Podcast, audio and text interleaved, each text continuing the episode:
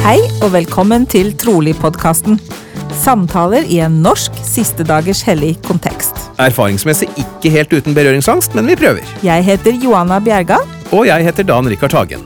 Her i Trolig-podkasten snakker vi med hverandre og med gjestene våre om deres trosreiser og tvilsreiser og andre temaer vi er opptatt av. Målet vårt med denne podkasten er å skape et rom med takhøyde og plass til alle. Fordi alles historie fortjener å bli hørt, og fordi vi mener at det er mer enn én måte å være en siste dagers hellig på.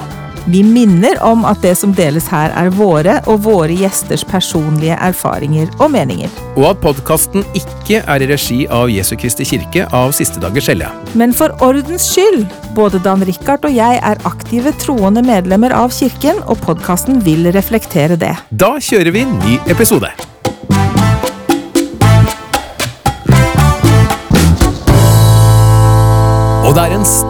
Glede og ønske velkommen til episode nummer 29, folkens! Tenk deg det, Johanna. 29 episoder. Vi har kommet et godt stykke på vei nå.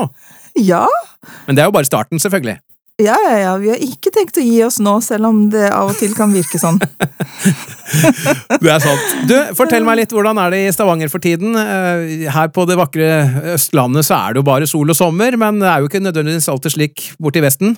Ikke alltid, men akkurat i dag er det faktisk veldig fint. Akkurat i dag, ja. Ja, nyter, nyter uh, fint vær og ekte sommerfølelse på alle måter. I dag er det sommer i Stavanger, med andre ord. Og i morgen er det over. Sannsynligvis. Det er ikke til å se bort ifra. Nei, men nok om det. Vi er veldig glad for å selvfølgelig også ha med oss en gjest i dag, og da skal vi til Skienstraktene. Hei på deg, Emma. Hei! Emma Topp, da, for å være helt eh, konkret, så alle vet hvem vi snakker med her. Ja, Emma Topp Vollheim egentlig nå, da. Ja, der ser du. Rett skal være rett. Emma Topp Vollheim. Og dermed ikke eh, Skien lenger. Hun er jo ikke på Skien lenger. Faktisk ikke, nei. Hun er jo på Romerike. Ja. Nå må du forklare litt, Emma. Ja, hva har skjedd her? Ja, Hva har skjedd her? hva har skjedd? Nei, jeg gifta meg jo i fjor da med Morten Vollheim.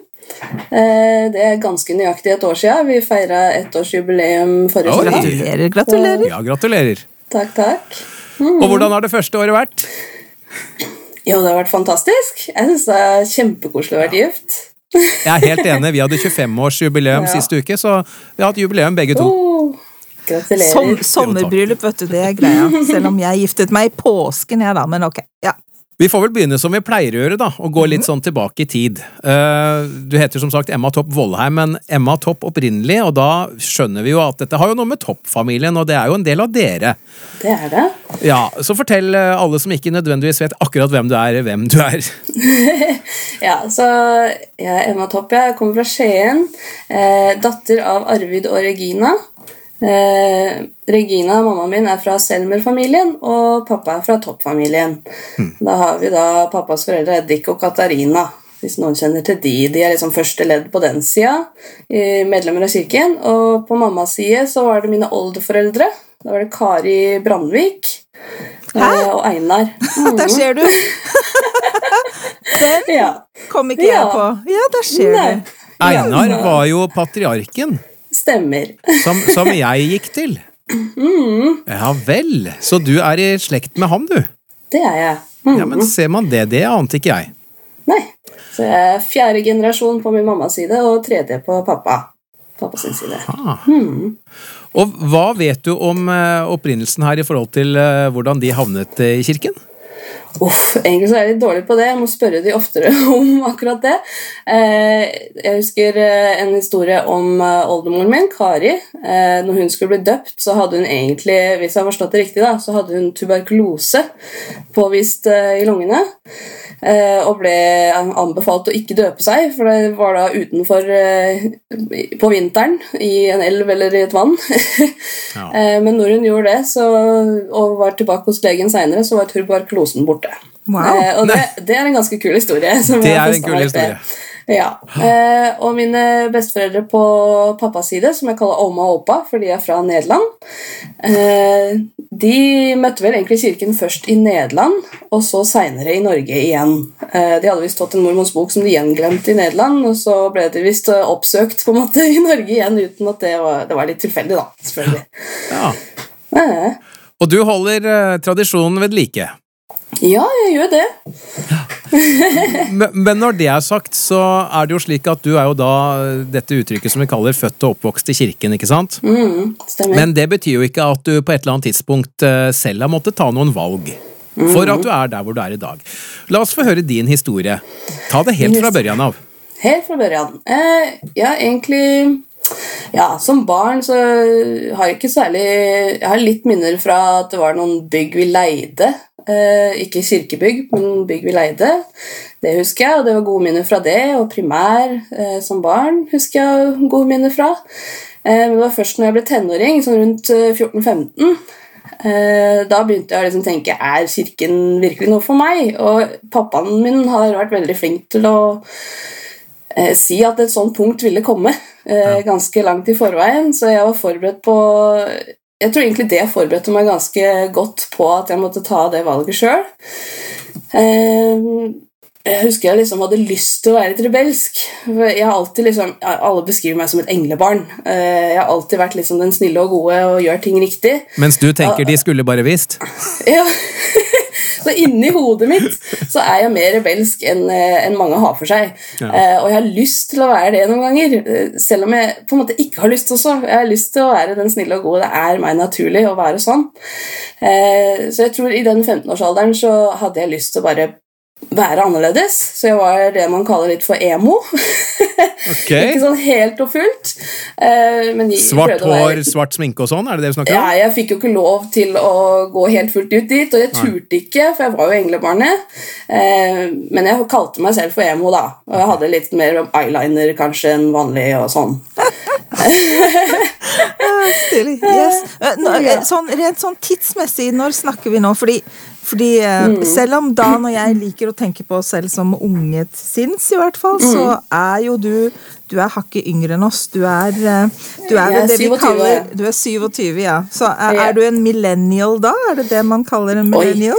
Det Jeg har tror aldri det. egentlig festa meg over hvilken sånn generasjon jeg er. Jeg, Jo, jeg bare det. hører de Eller, eller er det det som kommer rett etter Ja, jeg er litt usikker. Generasjon Y, kanskje? Er det ikke noe sånt nå? Eller X, eller ja. Nei. X var vel før Y. Ja, uansett. Ja, YX. Det var i hvert fall på ungdomsskolen, så det var vel i 2008-2009, Ja. tenker Og, jeg. og hvordan var emoperioden for deg? Var det bra? Det var mange følelser, da. Det var, ja. eh, det var sånn typisk hormonell tenåring, tror jeg. Eh, mye tanker, mye følelser, og følte ikke at jeg kunne snakke med andre om det. Eh, jeg har alltid hatt vanskelighet for å snakke om mine indre tanker og følelser med andre. Eh, det er liksom en terskel, og hvis jeg begynner, så, så kommer tårene. Det er Ja. sånn, eh, sånn er det bare. Men det er noe jeg har jobba med da, i lang tid. Ja, så det var en litt tøff periode, syns jeg. Jeg tror kanskje ikke andre merka så mye på det, for jeg var flink til å kamuflere det. Men hva var det som var tøft? Det var vel litt sånn identitetskrise. Prøve å finne meg sjøl. Hvem er jeg? Hva, hva tror jeg på? Hva har jeg lyst til å gjøre i livet mitt? Eh, veldig sånn pliktoppfyllende. Hadde alltid lyst til å liksom, gjøre det foreldrene mine ville at jeg skulle gjøre. Og skjønte at jeg kanskje måtte prøve å finne min egen vei. Og det var vanskelig. Ja. Eh, og samtidig som jeg hadde veldig lyst til det. Så det var liksom en ja, konflikt i hodet da, på den tida. Eldste søster kjenner meg litt igjen der. Mm. Det er nok noe der, tror jeg. Eh, Søstrene mine har kanskje ikke hatt det i like stor grad. Nå skal ikke jeg snakke for de. Det kan jo hende de har hatt det vanskelig sånn, de òg. Men jeg tror kanskje det er en sånn storesøstergreie. Mm. Men, men øh, hvordan artet dette her seg for deg, da? Og for familien, ikke minst? Eh, jeg sa kanskje til venner Jeg husker jeg også på sånne ungdomsforumer på nett skrev inn og liksom eh, Jeg har ikke så lyst til å være i kirken lenger, og eh, på en måte søkte hjelp fra andre plasser enn eh, venner og familie, på en måte. Eh, og fikk tilbakemelding om at eh, det er helt opp til deg, og du må velge selv, og sånne ting. Og det visste jeg jo egentlig fra før av. Men jeg var jo den gode, snille piken og ble alltid med i kirken likevel. Og jeg visste jo innerst inne at det var riktig. Det gjorde jeg hele Du tida. føler det, ja? Ja, det gjorde jeg. Mm. Så jeg føler aldri at jeg ble tvunget til noe. Jeg, jeg følte jo alltid at jeg kunne si fra om det var noe. Eh, Foreldrene mine var alltid åpne med meg. Eh, Men det var en sånn liten rebelsk side i meg som bare Prøv noe annet, eller Ja. finne ut av om det er virkelig det du vil. Ja. Så, men som du sier, på tross av um, at du på en måte rent sånn kognitivt følte at du var på et sted hvor du måtte ta noen valg og finne ut av ting, så hadde du likevel en sånn indre drive da, som, som dro deg i retning av kirken hele tiden. Ja. Så du hadde ikke noe behov for å på en måte verken komme i noen opposisjon eller droppe å gå i kirken? Nei. Jeg har aldri egentlig vært eh, på det vippepunktet der, på en måte. Eh, jeg har alltid følt at det har vært frivillig, og jeg har alltid eh, kanskje mer eller mindre bevisst tatt et valg om at dette er det jeg vil, egentlig. Jeg var nok ikke så bevisst på det da, men sånn når jeg ser i etterkant, så, så skjønner jeg at det var egentlig det jeg ville hele tiden. Var det noe du gjorde, eller som du føler at din familie var spesielt god på, som gjorde at Så får du si at du følte det verken som noe tvang, men at det var noe du selv ønsket. Hva var det som gjorde alt det, tror du? Jeg hadde noen eh, personlige vanskeligheter som jeg ikke skal gå så inn på akkurat her, det er litt personlig. Um, men som min pappa på hjemmeaftener eh, og i forskjellige familieråd og settinger var veldig åpen om, eh, var et vanlig problem. Eh, og takket være det så følte jeg at kirken var den rette plassen for meg. Pappa ja, altså Den åpenheten som, som, han viste om at dette er ikke farlig, det går an å omvende seg. um, så det, det hjalp masse. Det tror jeg var en uh, veldig viktig faktor for at jeg fortsatt er aktiv. Mm. Altså at du rett og slett fikk forståelse for situasjonen mm. du var i? Og, og, pappa visste jo ikke at jeg slet med akkurat det han drev og snakka om. Han var jo inspirert, ah, helt tydelig. Sånn, ja. Jeg delte ikke det før uh, ja, når jeg flytta hjem fra England igjen. Jeg har studert i England. Uh, det var i 2020. Da delte jeg det med mine foreldre for første gang. At jeg hadde slitt med det. Uh, og det tror jeg de blir overraska over. For jeg har alltid holdt maska. så ja. Så det var helt tydelig at han var inspirert til å snakke om de tingene han snakka om. Eh, foreldre er som regel det. Ikke sant. Det var en veldig spennende historie. Mm. Og derfra, for nå er du altså 14-15 år, du er i emo-perioden, Mm, ja. du fortsetter å gå i kirken. Ja. Hva skjer videre? Ja, hva skjer videre? Jeg innser vel kanskje at uh, å være englebarn er min rolle. jeg godtar det, rett og slett.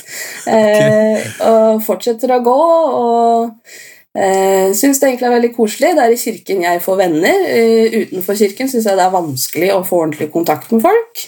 Eh, jeg er litt sånn outsider på skolen og holder meg mye for meg sjøl. Hadde en, egentlig en vennegjeng eh, på barneskolen som er fra gata hvor jeg vokste opp. Eh, alle sammen eh, ja, alle tre egentlig kristne, da. Med en baptist, en kristen og en litt sånn alternativ. Eh, så jeg har alltid godtatt sånn at jeg hadde kristen bakgrunn. Eh, men så på ungdomsskolen så skjedde det liksom, Folk splitta seg litt sånn naturlig i forskjellige grupper. Og vi var på en måte kjernegruppa fortsatt, men jeg var eh, mye aleine.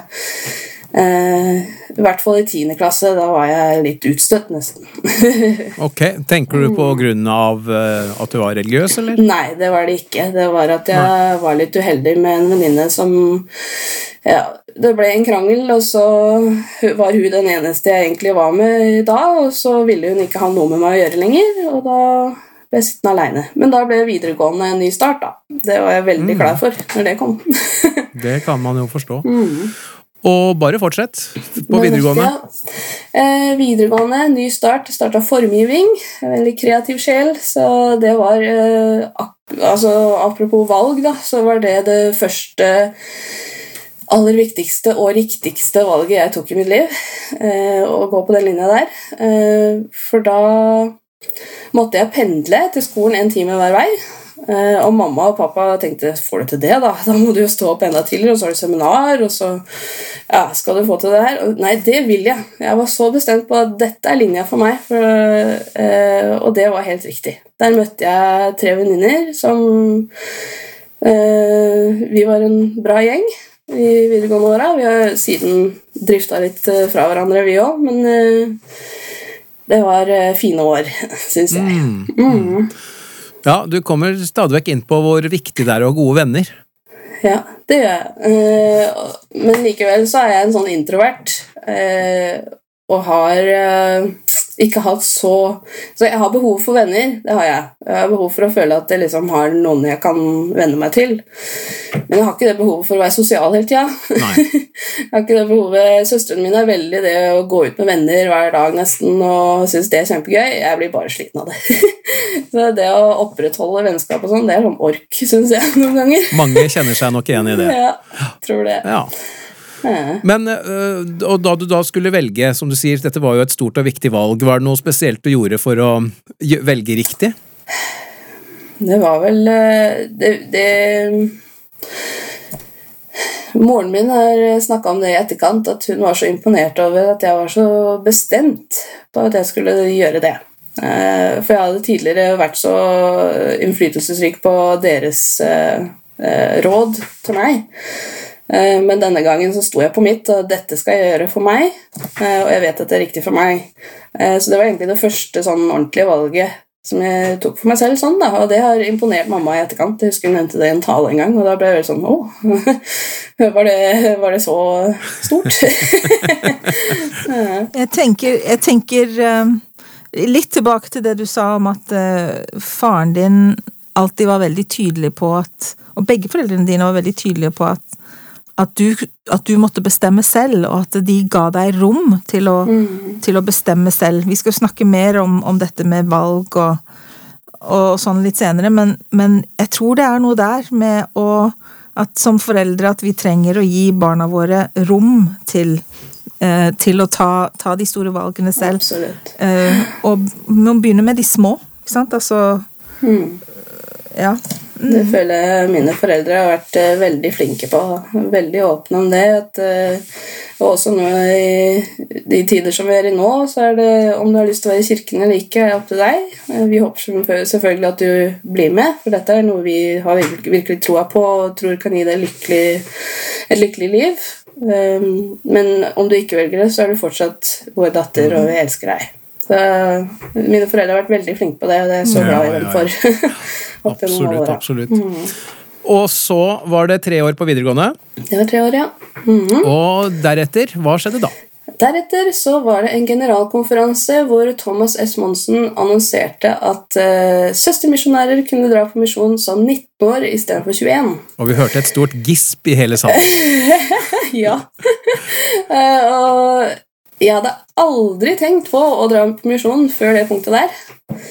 Eh, men det er eneste gangen i livet mitt så langt at jeg følte ånden som en brann inni meg. Sier du det? Ja. Eh, Før det så trodde jeg nesten ikke det funka. Du hadde bare lest om det, liksom. Ja, bare lest om det i skriftene. ja. og i det øyeblikket så bare Vosj! det var den effekten, og jeg hadde plutselig så lyst. Så bare, Dette skal jeg gjøre. Eh, og samme kveld så fortalte jeg mamma og pappa det når vi kom hjem, for da hadde vi sett generalkonferansen i kirken. Så kom vi hjem, og så satt vi på sofaen, og så jeg eh, jeg følte at jeg skal dra på misjon eh, fra det som ble sagt på generalkonferansen. Mamma litt sånn Oi! Hmm, litt litt overraska, for det hadde aldri blitt snakka om før i huset. Eh, og pappa i fyr og flamme! Dette var kult! For eh, Han hadde jo bare døtre, så han hadde ikke noen Ja. forventning kanskje om at eh, noen av oss ville på misjon. For det er ikke så stor forventning om at eh, jenter skal dra. Eh, så det var jo det var kjempestas. Eh, og jeg er veldig glad for at jeg sa det til de den kvelden, for allerede neste morgen så var den lysta borte. da hadde jeg ikke lyst mer. Ja, det var det jeg var litt spent på. Ja, jeg var litt spent på hvordan fortsatte dette her. ja,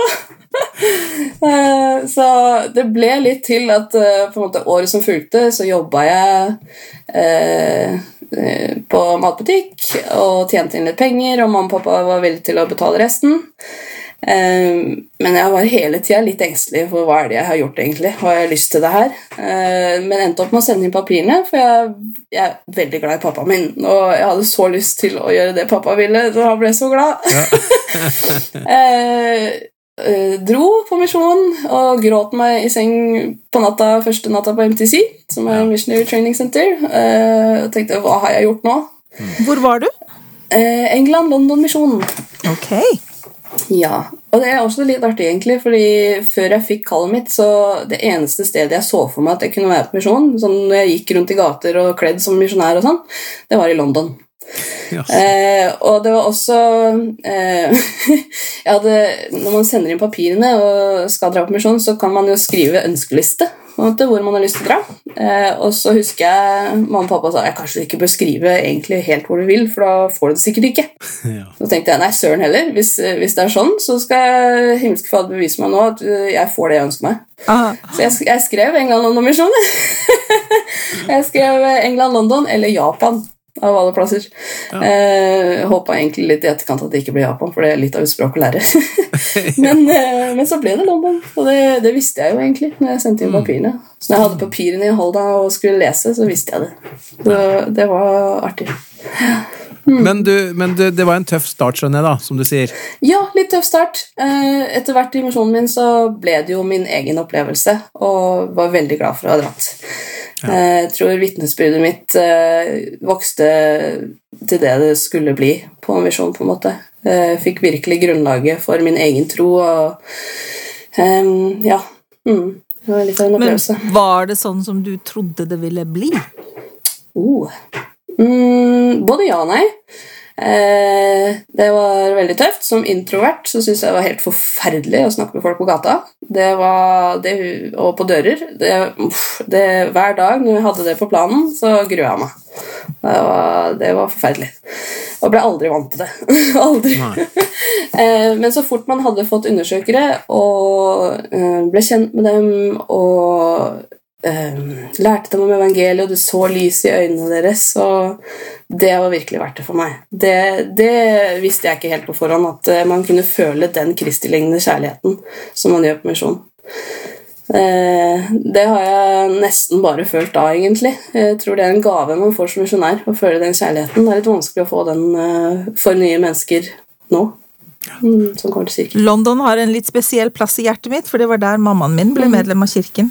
Ja, Så min barndomsmenighet var Hyde Park Ward. Hyde Park, Ja. ja. Er det noen eh, episoder fra, fra misjonen din som du har lyst til å dele? Ja, det har det. Eh, Jeg har en eh, hvor vi kom tilbake til leiligheten. Vi ble kjørt av soneledere, som er to eldster, eh, og kjørte oss til leiligheten vår. Og så regna det litt, typisk England. og så skulle vi videre til kirken, men vi skulle hente noen ting i leiligheten. Så sa de, og kirken var ikke langt unna, fem minutter å gå, cirka. Eh, Så skal vi vente på dere, og så vi kjører dere bort, så slipper dere å bli våte. Så sa kompanjongen min nei, nei, vi skal finne et mirakel på veien. Um, og så tenkte jeg ja, ja, ok, det prøver vi på. Eh, så ba vi en bønn uh, før vi reiste ut av leiligheten igjen uh, om å finne det mirakelet. Og så går vi langs fortauet. Eh, og så får jeg en tanke som slår meg at eh, vi skal ikke krysse veien der vi pleier å Det er et sånt gangfelt eh, hvor vi pleier å krysse. Og, så fikk jeg en tanke ikke kryss der. Det var en rar tanke. Og så tenker jeg hvis kompanjongen min får samme tanken, da, da er vi inne på noe. så kommer vi til gangoverfeltet, og så sier han jeg føler vi ikke skal krysse her.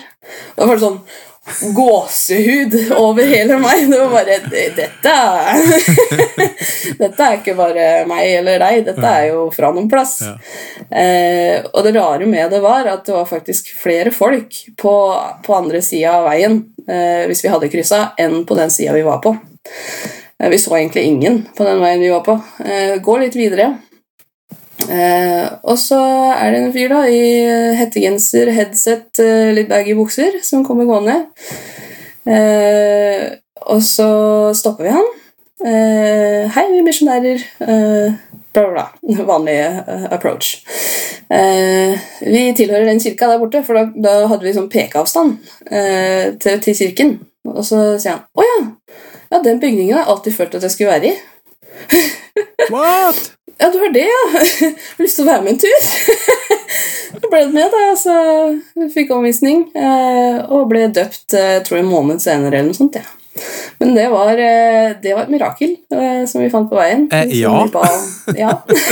Ja. ja. Så det, det er en av de sånne kule mirakelhistoriene jeg har. I eh, alle dager. Mm. Det var Ja. spesielt. Takk for at du delte det. Jo, bare hyggelig. Og så kom du hjem. Så, Så kom kom du hjem. hjem, hva skjedde da? Ja. Eh, da var året 2016, eh, og så Ja, så hadde jeg lyst til å studere. Eh, jeg hadde egentlig veldig lyst til å studere i utlandet med en gang. Men siden jeg hadde vært borte et og et halvt år på misjon, så tenkte jeg ja, familien min har sikkert lyst til at jeg skal være hjemme litt. For de har sikkert savna meg, og jeg har jo egentlig savna de, jeg òg. Så da blir jeg hjemme et år og tar et årsstudium i engelsk. Bare sånn at jeg har engelsk på papiret, selv om jeg liksom kunne det flytende allerede. Eh, så jeg gjorde det et år. Eh, og det var faktisk året jeg møtte Morten. Eh, lite visste vi at seinere skulle det bli til oss to. Ja, ja, ja. Eh, det var en aktivitet i Sverige. Ja. som het Create. Eh, han er litt kreativ, han òg, så det var noe som dro han. Det viste seg å ikke være en sånn kjempespennende helg sånn eh, aktivitetsmessig, men eh, vi møtte hverandre, og det var visst derfor vi var der begge to. da. Eh, Men når det er sagt, hadde ikke du truffet han før? Nei, det hadde jeg ikke. Ok. ok. Ja, så eh, Det er litt rart, det der, for vi er jo ikke så mange medlemmer i Norge. Men uh, vi Nei. hadde ikke møtt hverandre. Da er det seks års mellomrom mellom oss to, så vi hadde ikke, altså det overlapper ikke helt med unge kvinner og unge menn og voksne. og sånn. Uh, men akkurat på denne unge voksne-aktiviteten så var han, og han var også sånn som ikke gikk på så mange. Så det var litt vanskelig å få tak i han, tydeligvis. Ja. Litt, litt introvert han òg, eller? ja, ja, vi er veldig like der. Mm. Okay. Så det er ganske stille hjemme hos dere? Ja, ganske stille. Men vi liker å prate sammen. Da. Det er rart. Sånn ja. Introverter så finner du liksom din sjelevenn, og da Altså, jeg føler ikke at jeg trenger eh, alenetid når jeg er med han, for det, det er liksom alenetid sammen med han. eh, Av en eller annen grunn. Mm. Ja. Men uansett, dere var på Crate, og, og så Mm. Ja. skjedde det noe der, sa du. Altså, du sa, Ja. Hva sa du egentlig? At dere skjønte Vi- noe da? Nei, eh, Nei? Jeg skjønte noe. Eh, vi møttes. Eh, jeg spilte kort med noen, og så ble han med på å spille kort. Og så i løpet av kvelden så ble det bare oss to sittende igjen.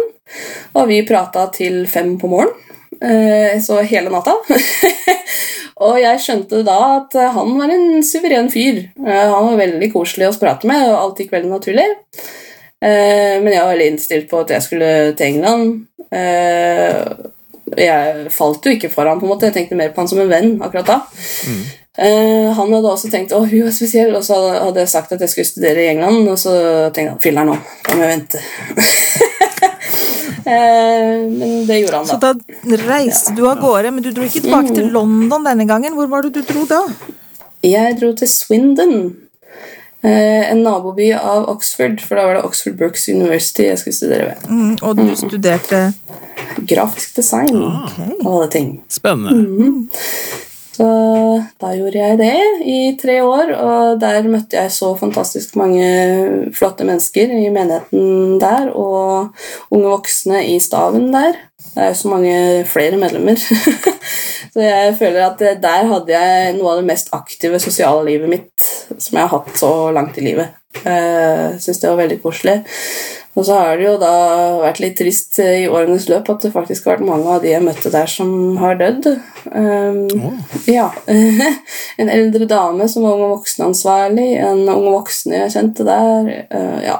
Det, og en, eh, en datter av eh, to foreldre, eller sånn eh, Et par som jeg bodde med, eh, døde der. Og en bror av henne igjen, så de mista to barn mens jeg var der. Det, det, jeg vet ja, Den så jeg ikke helt Nei. komme. Jeg så for meg at du skulle si at ja, det er litt trist fordi mange av de har forlatt kirken. Nei. Men Ja. at de var døde, det var jo liksom eh, et hakk Ja, verre. så jeg, jeg vet ikke helt hva eh, Det er fortsatt noe jeg på en måte jobber litt med. eh, For det var en så kort, intens og flott periode jeg hadde med de menneskene som jeg ble ganske nær, og så har det vist seg at de, akkurat de personene har eh, gått bort og gått videre.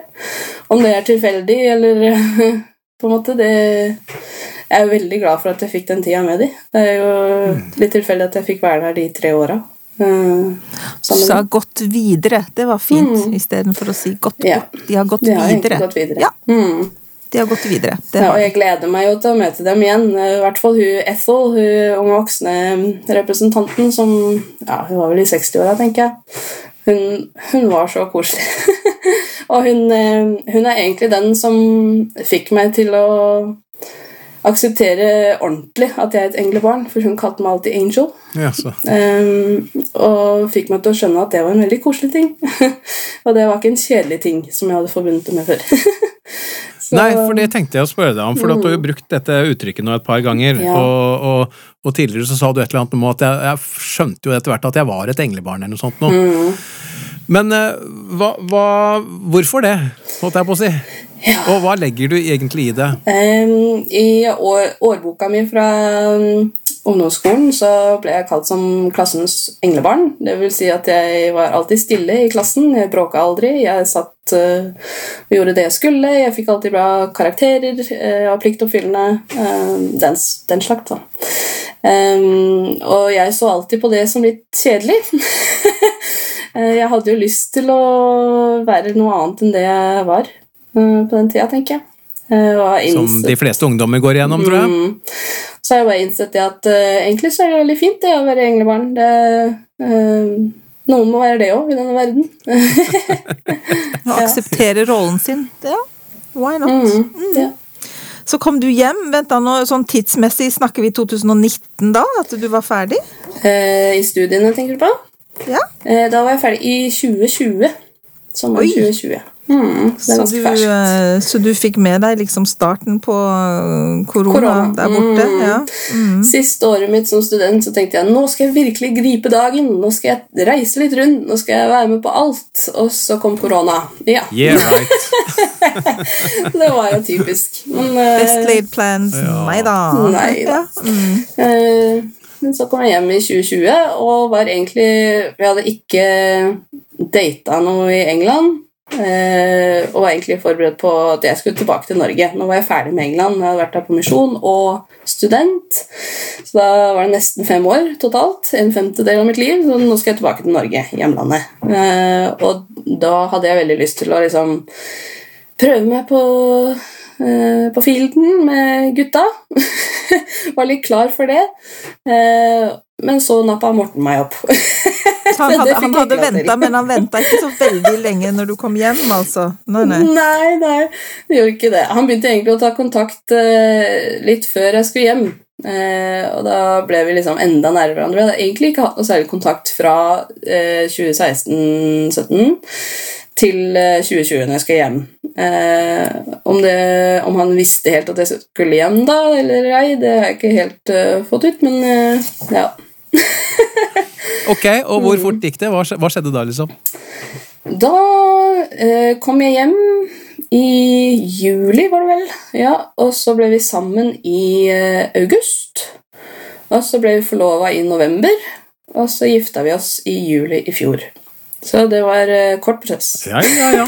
Vi er all for korte prosesser. var, uh, og jeg har alltid liksom sett for meg at eh, jeg skal være forlova et år. Det var liksom greia mi. Og så, og så ble vi forlova og så bare Nei! Eller altså Det er sånn, Vi må gifte oss. Det, det, dette her går ikke. Jeg klarer ikke å vente på Men vet, vet man, så vet man, tenker jeg. Da er det ikke så Ja. mye å vente på da. Ja. Og det var så, det var så tydelig, det. Eh, for jeg har jo på en måte snakka med andre gutter og menn, men det har aldri klaffa helt. Eh, og det Ja. Blitt mye såra, og ting har ikke vært greit. Og så med Morten Det var det jeg skjønte, egentlig, når jeg møtte han første gang. At uh, om jeg velger han her, så blir det lett.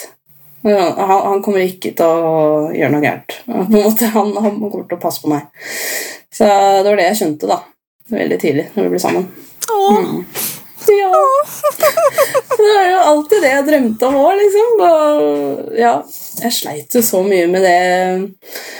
Men Skal jeg finne noen noen gang? Jeg syns det var så vanskelig. Det er liksom fra Helt fra jeg var tenåring, liksom. Eh, Jeg kommer aldri til å finne noen. Og utrolig vanskelig. Og så plutselig så bare skjer det. Eh, I det øyeblikket man tenker Nei, nå klarer jeg meg sjøl. nå, nå skal jeg utforske verden. Og så pom, da skjer det. Mm. Ja, mm. når man minst venter det. Ja, virkelig.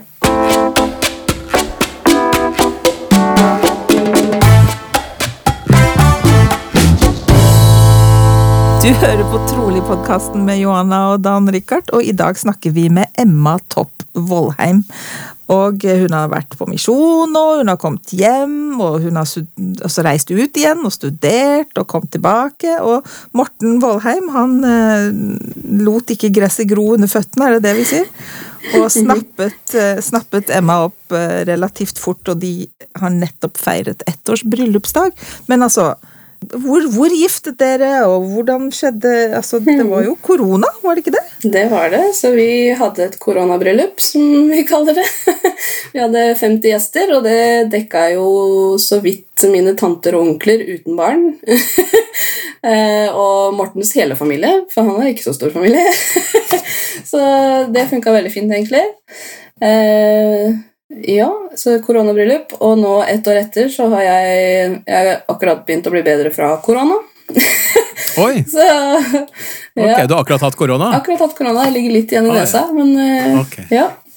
Men du holdt lenge, da, hvis du ikke Ja. fikk det før nå? Det gjorde jeg. Så det var litt sånn ironisk da, Jeg sa det til Morten her om dagen. at eh, Er det ikke morsomt at vi hadde et koronabryllup for et år siden, og akkurat nå på vår ettårs eh, bryllupsdag så har jeg korona? det var jo sånn tilfeldig, da. Eh, ja, og nå Vi har fortsatt ikke vært i tempelet. Vi skal det om to uker. Oi! Oi! Ah, Flott, flott. Ja, Hei. så det mm, Vi gleder oss veldig. Så klart, så klart. Eh, og så har du akkurat, uh, eller relativt nylig, fått deg jobb. Ja, Uh, jeg jobber på Hadeland Glassverk. Jeg starta der ja, jeg måtte finne meg en Det var også et sånn litt mirakel, da, egentlig. Fordi hele perioden hvor Morten og jeg data og ble sammen, og alt det, så hadde jeg ikke noen jobb. Jeg var arbeidsledig. Eh, og vi hadde jo tre timer eh, mellom hverandre, så det betød at jeg Altså, vi fikk mye mer tid sammen enn om jeg hadde hatt en jobb. Eh, så i ettertid så har det vært en velsignelse. Vi ble veldig godt kjent i den perioden, jeg bodde med foreldrene hans i kjelleren der. Så vi kunne se hverandre hver dag omtrent. Eh, og det ser jeg på noe som en veldig velsignelse, men akkurat da så var det en prøvelse. For jeg så jo etter jobb, håpa inderlig at jeg skulle finne noe innen det jeg hadde utdanning som, som viste seg å være veldig vanskelig. Eh, og så fikk jeg litt tilfeldig et intervju eh, på Hadeland Glassverk til Kokkestua, restaurant der, eh, om å være servitør. Eh, eh, og da var jeg på intervju litt før bryllupet.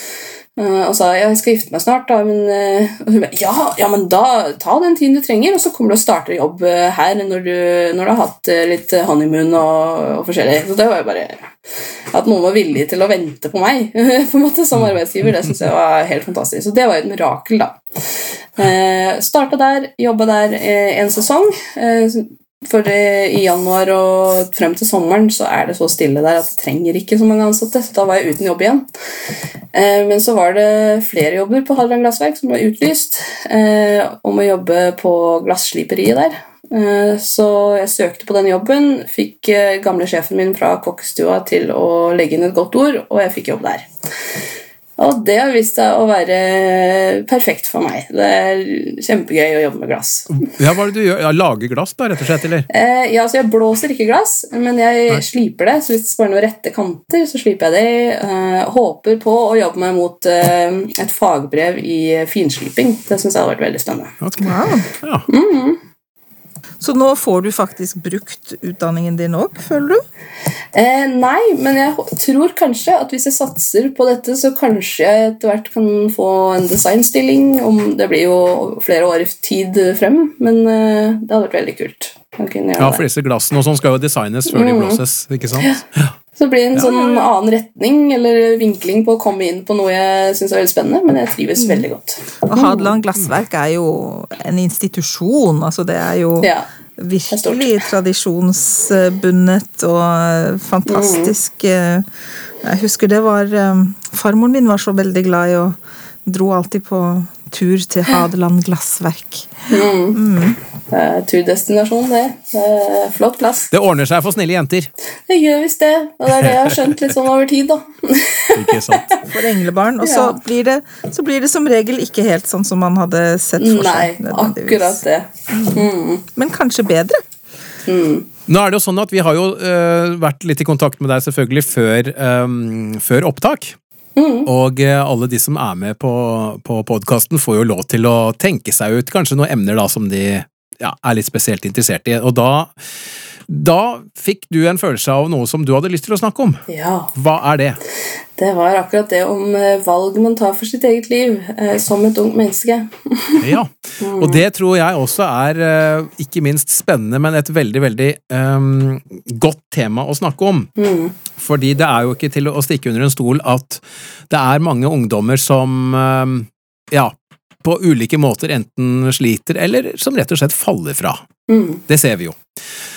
Eh, Hva, hva er det du på en måte har tenkt rundt dette temaet? Ja, jeg har tenkt at uh, det er veldig viktig å ta Det hører man jo ofte i kirken også, om å ta valg tidlig. eh, og før ting skjer. Eh, Som f.eks. veldig sånn praktisk er eh, det med alkohol, f.eks. Ungdom i kirken blir jo oppfordra til å ta et valg før de kommer i en situasjon hvor de blir spurt om de vil drikke, og man har tatt det valget at 'nei, det vil jeg ikke'. Og det, det prinsippet der, det har jeg på en måte prøvd å Jeg har innsett litt at jeg har gjort det med flere ting som har hjulpet meg å ta de valgene i livet. Eh, utdanning, f.eks. Ganske tidlig så tenkte jeg at det vil jeg gjøre. Eh, utdanning er viktig for meg. Og det å ønske å gifte seg i tempelet, f.eks. Også veldig tidlig at jeg hadde lyst til det. Og det hjelper en jo å se etter uh, riktige kvaliteter, riktige mennesker. Uh, det guider en på en måte da, i, i å ta valg. Så det var veldig sånne, sånne generelle ting uh, tok jeg et valg om. valg jeg kunne kontrollere, som kunne hjelpe meg å ta en retning og en beslutning i mitt liv. Eh, Det har jeg innsett nå, at jeg har gjort ganske aktivt, og det har hjulpet meg masse. Men, men eh, på, det er mulig at jeg blir litt sånn djevelens advokat her nå, da. For at nå sier jo du at eh, du egentlig har vært et englebarn på en måte hele tiden. Altså, det, det var faktisk en rolle du hva skal jeg si, kjente deg igjen i også. Det var ikke bare noe som ble pusha på deg, men det var det, litt den du var. Mm. Så er det kanskje noen ungdommer nå som uh, sitter og hører på, som liksom uh, ikke kjenner seg igjen i englebarnrollen, Mm. og som dermed ikke syns det er like skal man si, like kult som det du gjorde, da, å bestemme seg så tidlig og liksom Ja. hva, hva, hva vil du si til dem? Kanskje de som føler at de fortsatt er i emo-fasen, som du så vidt var gjennom, da? Ja. Eh, Jeg ser veldig mange eh, unge eh, i og utenfor kirken ta valg og beslutninger hver dag som ikke er til deres beste, eh, og som ikke innser det helt. De tror de er på riktig retning, eh, men gang på gang så blir de såra, eller de eh, Ja, at noe, noe skjer som, som de ikke hadde sett for seg. Jeg er veldig sånn person som tenker konsekvenser. Jeg tenker føre var. Jeg er veldig flink til å tenke på hvis jeg tar det valget her, så vil det og det og det skje. Jeg tror mange unge sliter med å tenke på det. Det er noe man må bevisst, liksom, bare bevisstgjøre seg selv på.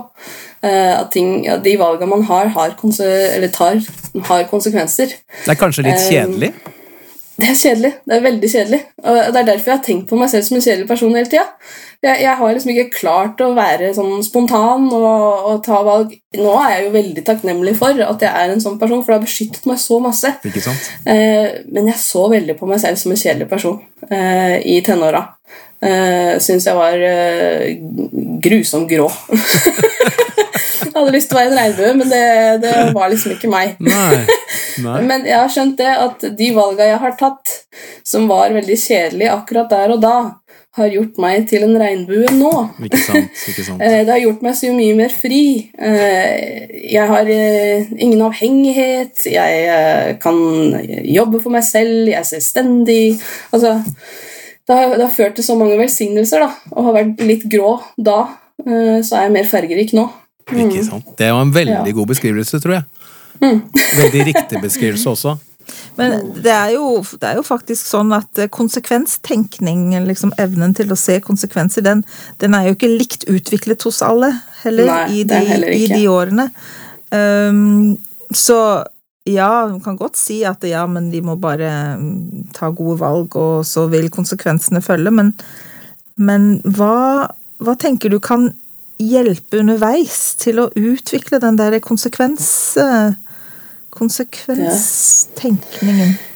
Jeg tror det er en sånn eh, bevisstgjørelse. Hvis man ikke gjør det av seg selv, så, så skap et mønster, da kanskje. Eh, gjør det til en vane å skrive i dagboken din eh, om, eh, om, konsekvenser noen valg vil ta. Prøv å tenke gjennom det litt aktivt. Eh, det er kanskje ikke så vanlig å gjøre det i, i hverdagen, men det å sette av litt tid til å ta den tenkinga man har mye tid. Ta vekk noen timer man har på mobilen da, til, å, til, å, sitte og tenke isteden. Eh, man trenger det. Man trenger å bare ha litt pusterom. Eh, og det tror jeg ungdommen har godt av. jeg hadde veldig godt av det, i hvert fall. og fortsatt godt av det òg.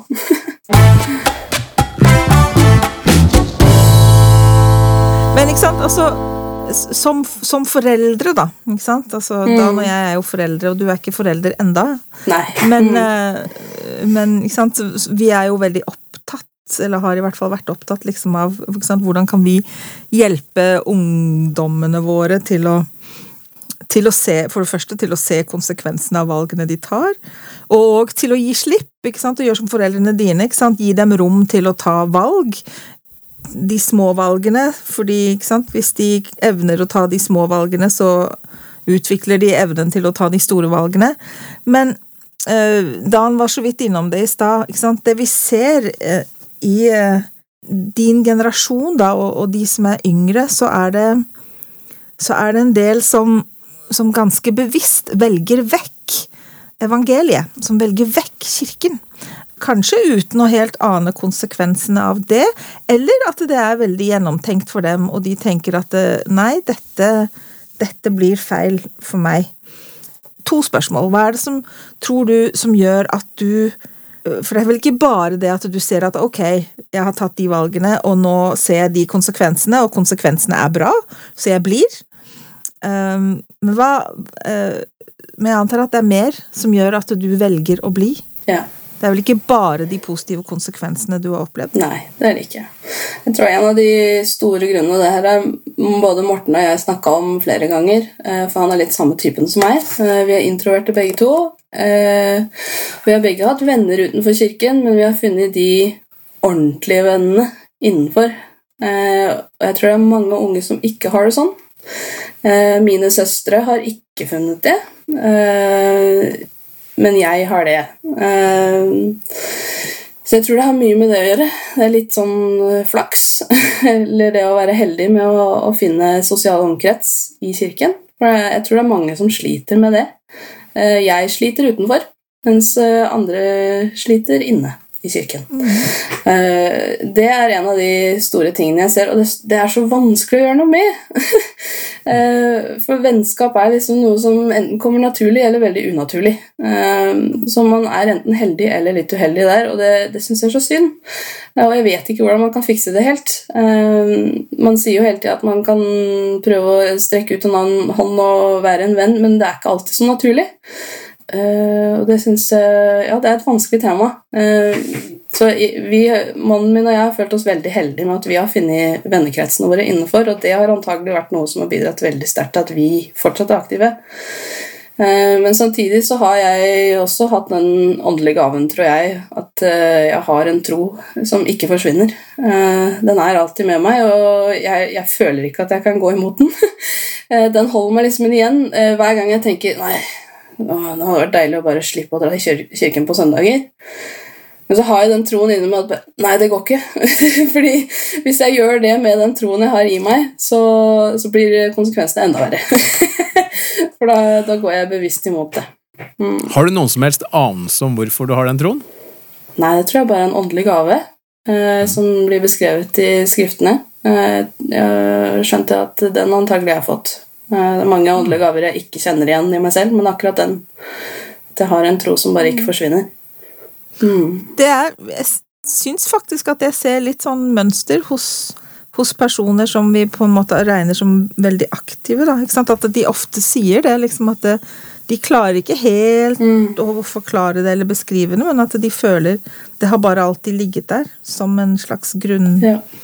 grunnpilar. Og sånn er vi jo forskjellige. ikke sant? Vi er jo skapt forskjellig, og, og noen av oss For noen faller, faller, det veldig lett, og for andre så, så er det vanskeligere. Sant? Jeg tenker stadig på en av mine barn som sier liksom «Ah, Det er så usannsynlig, mamma. Sant? um, mens av og til så tar jeg meg selv i å tenke det er ikke, faktisk ikke mer usannsynlig enn enn mye annet. Ja. Det faller så ja, naturlig for noen og veldig unaturlig for andre. Eh, man må Jeg tror man eh, Noe jeg har lagt merke til i kirken også, som, som plager meg litt, er at eh, man lett får en sånn fasitsvar på hva som er rett og galt. Eh, og så fins det egentlig så mange gråsoner imellom der på hvordan man skal etterleve evangeliet. Eh, og jeg tror eh, sånn minner fra unge kvinner, f.eks. Så ble man jo Jeg tror det har endra seg litt. Håper det. Eh, men jeg husker det var ledere som stadig kommenterte på jenters skjørtelengde, f.eks. Er det nødvendig? Eh, altså Det er det indre som teller. Eh, og jeg vet det er unge kvinner jeg var i Ung kvinne med, som er borte fordi de ble klaga på på det. Eh, og det var så unødvendig.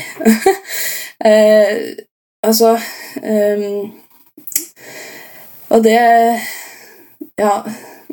Det kommer kanskje litt inn på det. Jeg vet dere har spørsmål også på hva, som, hva jeg skulle ha endra på, på en måte. Men eh, jeg vet ikke om jeg skal diskutere det nå. Nei da, jo da, det kan vi, det kan vi godt gjøre, og det er vel ikke helt eh, Jeg og Johanne har vel snakket om akkurat dette temaet, riktignok ikke på podkasten, men Ja. Men ellers, Men ellers. Sant, det, ikke sant, det går jo litt på dette her med eh, Jeg tenker at det har noe med en slags dybdeforståelse å gjøre. eller en slags, At når man er barn og tenåring, så har man kanskje en, en, en litt sånn enkel og naiv tro, og så utvikler man seg, og så blir man voksen, og så bør jo egentlig troen utvikle seg ja. med en. Man er jo ikke lik Mm. gjennom hele livet. Man forandrer seg og utvikler Akkurat. seg. For vi tror jo på evig utvikling, ikke sant? og da er det ikke unaturlig at troen vår også utvikler seg. Av og til så tenker jeg at vi, at vi kan kanskje havne i en litt sånn eh, At vi blir værende i den derre søndagsskolefasen, på en måte. At vi kanskje er redd for å gå videre, er redd for å, å gå i dybden på ting, og er redd for at det skal skade troen vår, kanskje, eller, eller gjøre ting vanskeligere. Men, men eh, samtidig så opplever jeg at det er enkelte personer som absolutt har liksom eh, nådd et nytt åndelig nivå i sitt eget liv uten at det har skadet troen deres. Eh, Jeg tror det gjelder også å finne en slags en slags balansegang, en slags mer Vi snakker om nyanser, da. Sånn, Du som jobber med glass, Absolutt. og som ser liksom nyanser og refleksjoner, liksom at det og som du sa, ikke sant, grå, gråsoner, det er, det er ikke svart-hvitt. Det er vel egentlig det vi har Kanskje en av de konklusjonene vi har kommet frem til gjennom podkasten mer enn noe annet, er at det, det er ikke svart-hvitt. Det, det er nyanser, og det å, å ha en nyansert tro uh, er, er viktig. Og det å utvikle en nyansert tro er viktig, men at vi ikke Vi trenger ikke være redd, redd for nyansene, er Litt sånn, eh, et praktisk eksempel i mitt liv er at eh, det å studere Skriften det synes jeg er veldig vanskelig å få gjort hver dag. Men i kirken så hører man liksom 'Les mormons bok hver dag'. Eh, litt er mer enn ingenting. Og, eh, så har man da også programmer som man skal følge. Come follow me. Og så har du seminar eller eh, institutt i den alderen. Så, så det blir så mange leseprogrammer. Man, man får ikke til alle men blir fortalt at man skal få det til. Eh, og, og jeg som har en sånn eh, iboende dårlig samvittighet for alt jeg ikke får til, det har vært tøft, det. Eh, og liksom akseptere at jeg får ikke til alt, selv om jeg blir fortalt at jeg skal få det til. Eh, så nå å ha nå liksom komme til et punkt hvor eh, Hva er det å studere Skriften for meg? Um, jeg vet hva det er i kirkeperspektiv. Jeg vet hva programmene sier jeg skal gjøre. Men hva er det for meg? Hva er det som gjør det givende for meg? Og det, det er så lite fokus på eh, i kirken. Det syns jeg det burde vært mer av. Eh, det å få evangeliet til å passe for seg. Um, for det, det går faktisk an å tilpasse det litt. Jeg kjenner meg litt igjen i det du snakker om der. Og Mye, mye fokus på les Skriften daglig, og det er jo ingen av oss uenig i. Nei. Men jeg har jo, hvis jeg, når jeg husker tilbake, så har jo jeg tenkt noen ganger at liksom Å, søren, jeg har ikke lest Skrift i dag. Uff, hva er det som skjer nå, da? Ja. Dette kommer jo ikke til å gå bra. Eller, eh, eller gå rundt og ha dårlig samvittighet for det. Ja. Og det, eh, det er en ting som jeg har kommet frem til, at den dårlige samvittigheten den har egentlig veldig liten funksjon. Ja, akkurat. Og så, og så blir man da fortalt da, at hvis man ikke studerer Skriften hver dag, så, så mister man kanskje det åndelige, eller har ikke Ja. det i like stor grad. Og så sitter den dårlige samvittigheten, og så har jeg i mange år nå misforstått den dårlige samvittigheten som at jeg ikke har ånd med meg. Ja. Hva i alle dager? Det er jo helt feil. det er først nå jeg begynner å innse at ok, det, det er andre krefter her som prøver å overbevise meg om at den dårlige samvittigheten her, det, det er å ikke ha ånd med seg. Eh, og først nå så begynner jeg å skjønne at å ja, hvis jeg bare gir slipp på det på en måte. Eh, studer Skriften der du kan. Prøv å få inn litt åndelig innflytelse. Høre på podkasten her, f.eks. På, på arbeidsdagen min. Eh, høre på en tale. Eh, høre på litt kirkemusikk. Eh, sånne ting også fyller en med åndelighet. ja. ja. Ja, absolutt. Jeg, tenker, jeg, jeg har tenkt litt på det i det siste, at uh, vi kommer jo litt inn på det uh, med disse faste postene våre, men, men det at, at vi i større grad på alle områder blir oppfordret til å ta mer og mer personlig ansvar for vår, vår trosutøvelse og vår tro og vårt vitnesbyrd. Mm. Jeg tenker at det er litt sånn kalkulert risiko fra, fra, fra profeten eh, Fra lederne våre. Fordi han sier ok, her, ikke sant nå, det, det, jeg tenker for eksempel dette med Når du drar til tempelet nå, sant, så er det slutt på at det er eh, egne menighetsuker eller stavsuker. ikke sant? Nå er det opp til den enkelte, og det er førstemann til mølla, og du må liksom planlegge sjøl og ville det sjøl og ha med, ikke sant. I, i, og sånn er det jo på alle områder i kirken, at vi i mindre grad får ting ferdig tilrettelagt for oss og må, må velge selv. Må ta avgjørelsen selv og må bestemme selv. Uh, og det ja, jeg tror at for noen av oss så, så er det litt sånn eh, sjokkartet opplevelse. Liksom at vi nå plutselig skal ta ansvar for det, for det selv. Og, og for, mens for andre så, så, så er det kjempebra. Men for noen så tror jeg rett og slett at det blir eh, Det kan være litt vanskelig. Og kanskje, kanskje spesielt for yngre personer som er blitt vant til å få alt lagt opp i fanget, og så, Ja. så skal de nå ta personlig ansvar. Jeg tror eh, den prosessen her vil på en måte gjøre en slags siling med medlemmene i eh, kirken. Den vil, eh, den vil få oss til å skjønne om vi er selvstendige på det evangeliske eller ikke. Og det vil antagelig sile ut Det er litt skummelt, da. Sile ut yngre tidligere. Jeg tror det er mange unge som får ting i fanget som likevel ville blitt uaktive eh, i senere alder, men som ville holdt ut litt lenger, kanskje. Mens det kanskje i en sånn eh, måte vi blir mer og mer oppfordra til nå, da, at eh, kanskje tidligere folk vil tenke nei, dette er ikke noe for meg. Men så er det også da Jeg skulle ønske det var at det hadde vært sånn tidligere. Jeg skulle ønske det var sånn i mine unge kvinner og unge menns dager, holdt jeg på å si. Eh, For jeg må nå avlære meg alle de tingene som jeg har blitt fortalt gjennom åra. Som, jeg- Som for eksempel. som for eksempel det med studer Skriften hver dag. eh, Hvis ikke Ja. så går det dårlig. Ja, ja, ja. Eh, Sånne ting, da. Eh, Så jeg eh, Jeg støtter det. Jeg ser at det er skummelt. Eh, Jeg er helt enig. Eh, Men jeg tror det på sikt vil være så bra for oss alle sammen å endre litt på det. Så. Jeg, jeg syns det, er- det er veldig spennende. Det er en veldig spennende tid for oss som individer og for kirken som helhet, tenker jeg. At vi har, vi har aldri hatt så mange muligheter, og vi har aldri hatt så, så mye informasjon tilgjengelig. Hva, hva gjør vi med den? Ikke sant? Ikke sant? Vi må bli flinkere til å bruke den.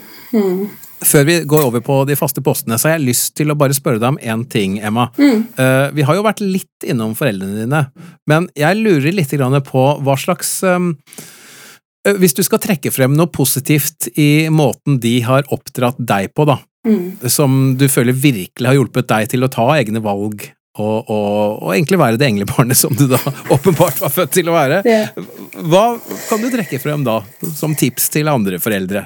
eh, det jeg har eh, satt mest pris på av alt, er at eh, det har vært sånn unconditional love. Hva blir det på norsk? Um, Betingelsesløs kjærlighet. Takk. Akkurat det. Eh, foreldrene mine har alltid vært tydelige på at de er glad i oss. Eh, de sier, vi har sagt det til hverandre hver eneste dag. Um, etter kveldsbønn sammen på kvelden så sier vi 'glad i, glad i deg', gir hverandre en klem. Um, det kommer alltid tilbake til det. Um, jeg føler så stor kjærlighet fra dem. De er alltid glad i meg. Hvis jeg har kommet til dem og sagt at jeg har gjort det og det, og det var gærent, så har de aldri vært helt sjokkert. De har selvfølgelig blitt litt overraska noen ganger, men de har alltid vist forståelse. Eh, De har alltid fortalt meg at de selv er menneskelige. De har aldri satt seg selv på noen pidestall og sagt at eh, de gjør aldri feil. Eh, De har vært veldig åpne om at de også har gjort feil i sine liv. Så det å ha ubetinget kjærlighet, bare vise barna at de, de er glad i deg, uansett hva, det er det viktigste i eh, foreldre, syns jeg. Dette er Trolig-podkasten med Johanna og Dan, i dag med besøk fra Emma Topp, og da har vi kommet til eh, de faste postene igjen. Og det første spørsmålet dreier seg om den oppfordringen som eh, kanskje spesielt president Nelson har vært opptatt av de siste årene, nemlig dette med å høre frelseren snakke til oss. Og spørsmålet da til deg, Emma, er hvordan, hvordan føler du at du hører ham? Jeg hører han gjennom eh, mine egne tanker. eh, og man stiller jo ofte spørsmålet gjennom er det Gud eller er det meg. Eh, eh, det er jo veldig typisk spørsmål, spesielt blant unge. Eh, men alle gode ting man tenker, kommer fra han. Eh, så jeg har lært meg det at hvis jeg har en tanke som jeg føler er god, hvis jeg har ro i kroppen over det jeg tenker, så føler jeg det riktig. Og hvis jeg har en uro eller noe skurrer, eller eh, dette er- stiller jeg spørsmål ved, så føler jeg at eh, da er det ikke greit. Så det er litt sånn, sånn det går på. Eh, fred er vel egentlig den tydeligste følelsen jeg har på om noe er riktig eller ikke. Det er veldig interessant, og særlig i lys av det vi har snakket om når det gjelder å ta valg, og, og lære seg å stole på Stole på også egne følelser og egne tanker. Og, kjenne, og kjenne det igjen som, no, som inspirasjon. Det er uh, veldig sjelden at jeg på en måte Jeg har jo sagt uh, at jeg har følt uh, ånden som en brann når jeg skulle på misjon, f.eks. Eller at jeg følte det som en tanke veldig spesifikk, ikke kryss veien, eh, når jeg var på misjon. Eh, men det er veldig sjeldne opplevelser, og det er mer den freden som jeg lar eh, eh, rettlede meg i mitt liv. Så det er med hverdagsåpenbaringen. det andre er sånne spesielle opplevelser. Men hverdagsåpenbaringen vil jeg påstå er kanskje den aller viktigste. Absolutt. Det er jeg helt enig i. Ja. Hvis det var noe som du kunne forandre i kirken, hva ville det vært? Ja, da har jeg litt det jeg sa med skriftstudium og programmer og sånn. Eh, jeg, jeg skulle ønske at søndagsskolen gjaldt mer eh, prinsipper. Sånn når man underviste i søndagsskolen at i dag skal vi lære om eh, forsoningen, f.eks. Eller i dag skal vi lære om mm, omvendelse. Et tema. Mens nå er det veldig sånn fastsatt dette skal du ha lest for å kunne henge med på denne søndagsskoleklassen. Hvis ikke så har du ingenting du skal ha sagt. Eh, og det syns jeg er så synd, for jeg får aldri til å lese de oppdraga. Eh, så derfor får jeg veldig lite ut av søndagsskoleklassene. Så det skulle jeg ønske var annerledes. Um, og så har jeg alltid slitt med omsorgstjenesten. For meg så føles det veldig robotaktig. Eh, jeg har vært på, jeg tror, to-tre besøk eh, så langt. Og man skal jo gjøre det fra man er 18, på en måte. Og jeg har heller ikke behov for besøk. Eh, jeg eh, så jeg skulle gjerne vært foruten det. Nå har jeg snakka med min hjelpeforeningspresidentinne og fått lov til å ikke ha noen å ha eh, sånn, ansvar for. Og jeg har aldri følt meg så fri i hele mitt liv. For det har bare vært en dårlig samvittighet, og det har bare vært en tyngde som jeg har syntes har vært så vanskelig. Um, og nå endelig føler jeg at jeg kan tjene ubetinget. Jeg kan tjene hvem jeg vil. Um, så jeg skulle ønske at det var mer rom for det, for jeg møtte ganske stor motstand når jeg spurte om det. Eh, så det å liksom kunne tilpasse evangeliet og programmene og prinsippene litt til seg selv, eh, og hvem man er som menneske, det skulle jeg ønske var litt mer av i kirken. For Jeg skulle nemlig akkurat til å si at så utrolig bra at du turte å ta det opp, for jeg tror veldig mange vil kvie seg veldig for å ta det steget som du har tatt. da. Nei, jeg føler det Og heller bare lar være. Ja, ja. Ja, Ja. ikke minst. Altså, Ja, Det er jo mer ærlig, Mm. egentlig. Det er en ærlig Ja. sak. Og så si, vet du hva, det, det, det funker ikke for meg. nei, Ikke sant? ikke i det hele tatt. Jeg kan, jeg kan tjene og er villig til å gjøre mye annet, men Mm. det der funker, funker ikke. Ja. Så jeg, jeg tror det er flere som har det som meg. Eh, Det er det. Eh, og jeg skulle ønske at det da jeg skjønner, altså Sånn som det har endret seg fra man var besøkende søstre og ja, Så har det jo endret seg mye, og jeg liker prinsippene det underviser.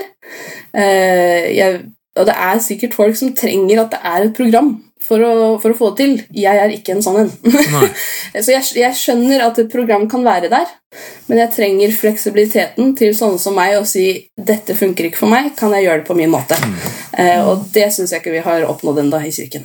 Jeg er sikkert på vei dit, men eh, det håper jeg ender seg. Da har vi kommet til det siste spørsmålet vårt, da, Emma, og det er hva syns du er det absolutt beste med å være medlem av Jesu Kristi kirke av siste dagers helle? Det har jo ført til den jeg er i dag, og den er jeg stolt av. Jeg er glad for å være den jeg er i dag. Eh, Jeg er veldig takknemlig for eh, for den beskyttelsen evangeliet har vært i mitt liv. Jeg vet at Hvis jeg ikke hadde hatt det, så hadde jeg sikkert tatt eh, valget jeg ikke hadde vært så glad for å ha tatt til det punktet jeg er i nå. Men det, det beste er nok eh, for meg personlig at det er et sted hvor jeg finner eh, vennskap, et sted hvor jeg finner eh, samhold. Og uansett hvor jeg er i verden, så kan jeg finne min gjeng. det syns jeg er fantastisk. Ja. Lyst til å stille et lite spørsmål. Du sa 'jeg er stolt av den jeg har blitt'. Kan du si noe mer om det? Uh, ja. Uh, jeg er en veldig sånn person som selvfølgelig tenker gjennom alt, overtenker, Øh, jobber med meg selv konstant. Det er aldri pause. Um, øh, så jeg er veldig stolt over den jeg er i dag, fordi det har vært litt av en prosess. Um, og jeg er veldig glad for å ha kommet til et punkt hvor jeg skjønner meg selv bedre. Det tar tid å, å skjønne seg selv som et ungt menneske. Uh, som tenåring så var det kaos oppi huet på meg. Uh, det å finne sin plass og, og akseptere seg selv som den man er. Uh, jeg- det tror jeg er vanskeligere og vanskeligere for unge i dag, fordi man får jo mange nye labels. Eh, seksualorientering eh, Altså, det var ikke så mye på fokus når jeg vokste opp, og guri er glad for det. For jeg til og med Jeg tvilte på min orientering en liten periode. Um, og da var det ikke alle de labelsene, så um, Ja. Nei jeg har jobba mye med meg selv, eh, og jeg er glad for at jeg har gjort det. At jeg har tatt meg tida til å tenke, sitte og gruble og grine og le og snakke med meg selv som om jeg var gal. Altså, alle de tingene har ført til hvem jeg er i dag, og jeg skammer meg ikke over det lenger. Jeg tror jeg gjorde det mye da jeg var yngre. Det er vel kanskje det det kommer til. Tusen takk for at du hørte på dagens episode. Vi er snart tilbake med en ny og spennende samtale. Og for å gjøre ventetiden litt kortere, så kommer som vanlig vårt nyhetsbrev mer enn trolig i innboksen din om kort tid. Ja, Det er hvis du abonnerer på det, da, og det gjør du enkelt inne på vår Facebook-side. Ja, og i tillegg så finner du oss både på Instagram og Twitter, som oppdateres med jevne og ujevne mellomrom. Har du forslag til enten temaer eller gjester du syns vi burde snakke med? Send oss en e-post til troligpodkast med k at gmail.com. Og vi blir veldig glad for skriftlige tilbakemeldinger i alle våre kanaler. Og ikke glem at dette vil også hjelpe andre å finne trolig. Takk for nå. Vi høres!